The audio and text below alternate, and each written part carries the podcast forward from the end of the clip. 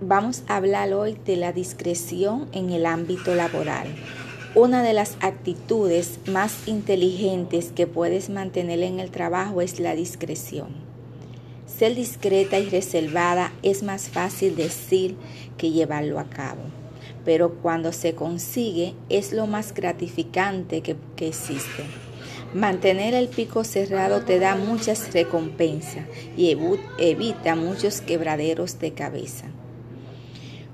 La discreción la podemos definir como cualidad o virtud de hablar, decir, sugerir o escuchar lo que conviene y cuando conviene. Es sinónimo de prudencia, habilidad mental, inteligencia práctica.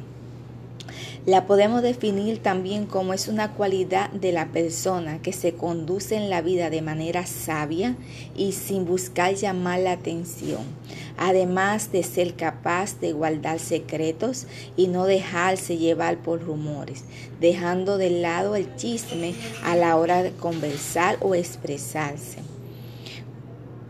Un dicho popular dice que hay que conectar la boca con el cerebro el remedio para este mal se llama prudencia. Saber ser discreto es ser prudente, es tener la capacidad de reflexionar sobre la conveniencia y los riesgos de hablar o de actuar en un momento determinado. Es tener el dominio sobre el impulso a acelerado, es aprender a tener una pausa para pensar antes de hablar. El 15% del éxito económico depende de la pericia, de la habilidad y el conocimiento y el otro 85% procede de la capacidad para comunicarte y generar confianza y respeto. Cuando hablamos de prudencia, debe de no hablar sin pensar de tener dominio propio, de no participar de críticas, de observar antes de hablar, de no, no hablar de forma dicotómica, no contar un secreto, no dar voces, no hablar con el cerebro vacío, pedir permiso antes de dar un consejo, no dice grosería, no acapara la conversación, no comparte información de otros sin pedir permiso.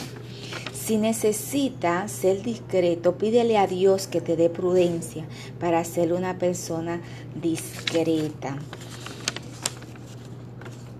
La gracia del Señor nos abre puertas de un trabajo, pero es nuestra inteligencia, esfuerzo, excelencia y diligencia la que no la mantienes abierta. Debemos aprender a dar más de los que se nos necesita sin importar cansancio o estado de ánimo.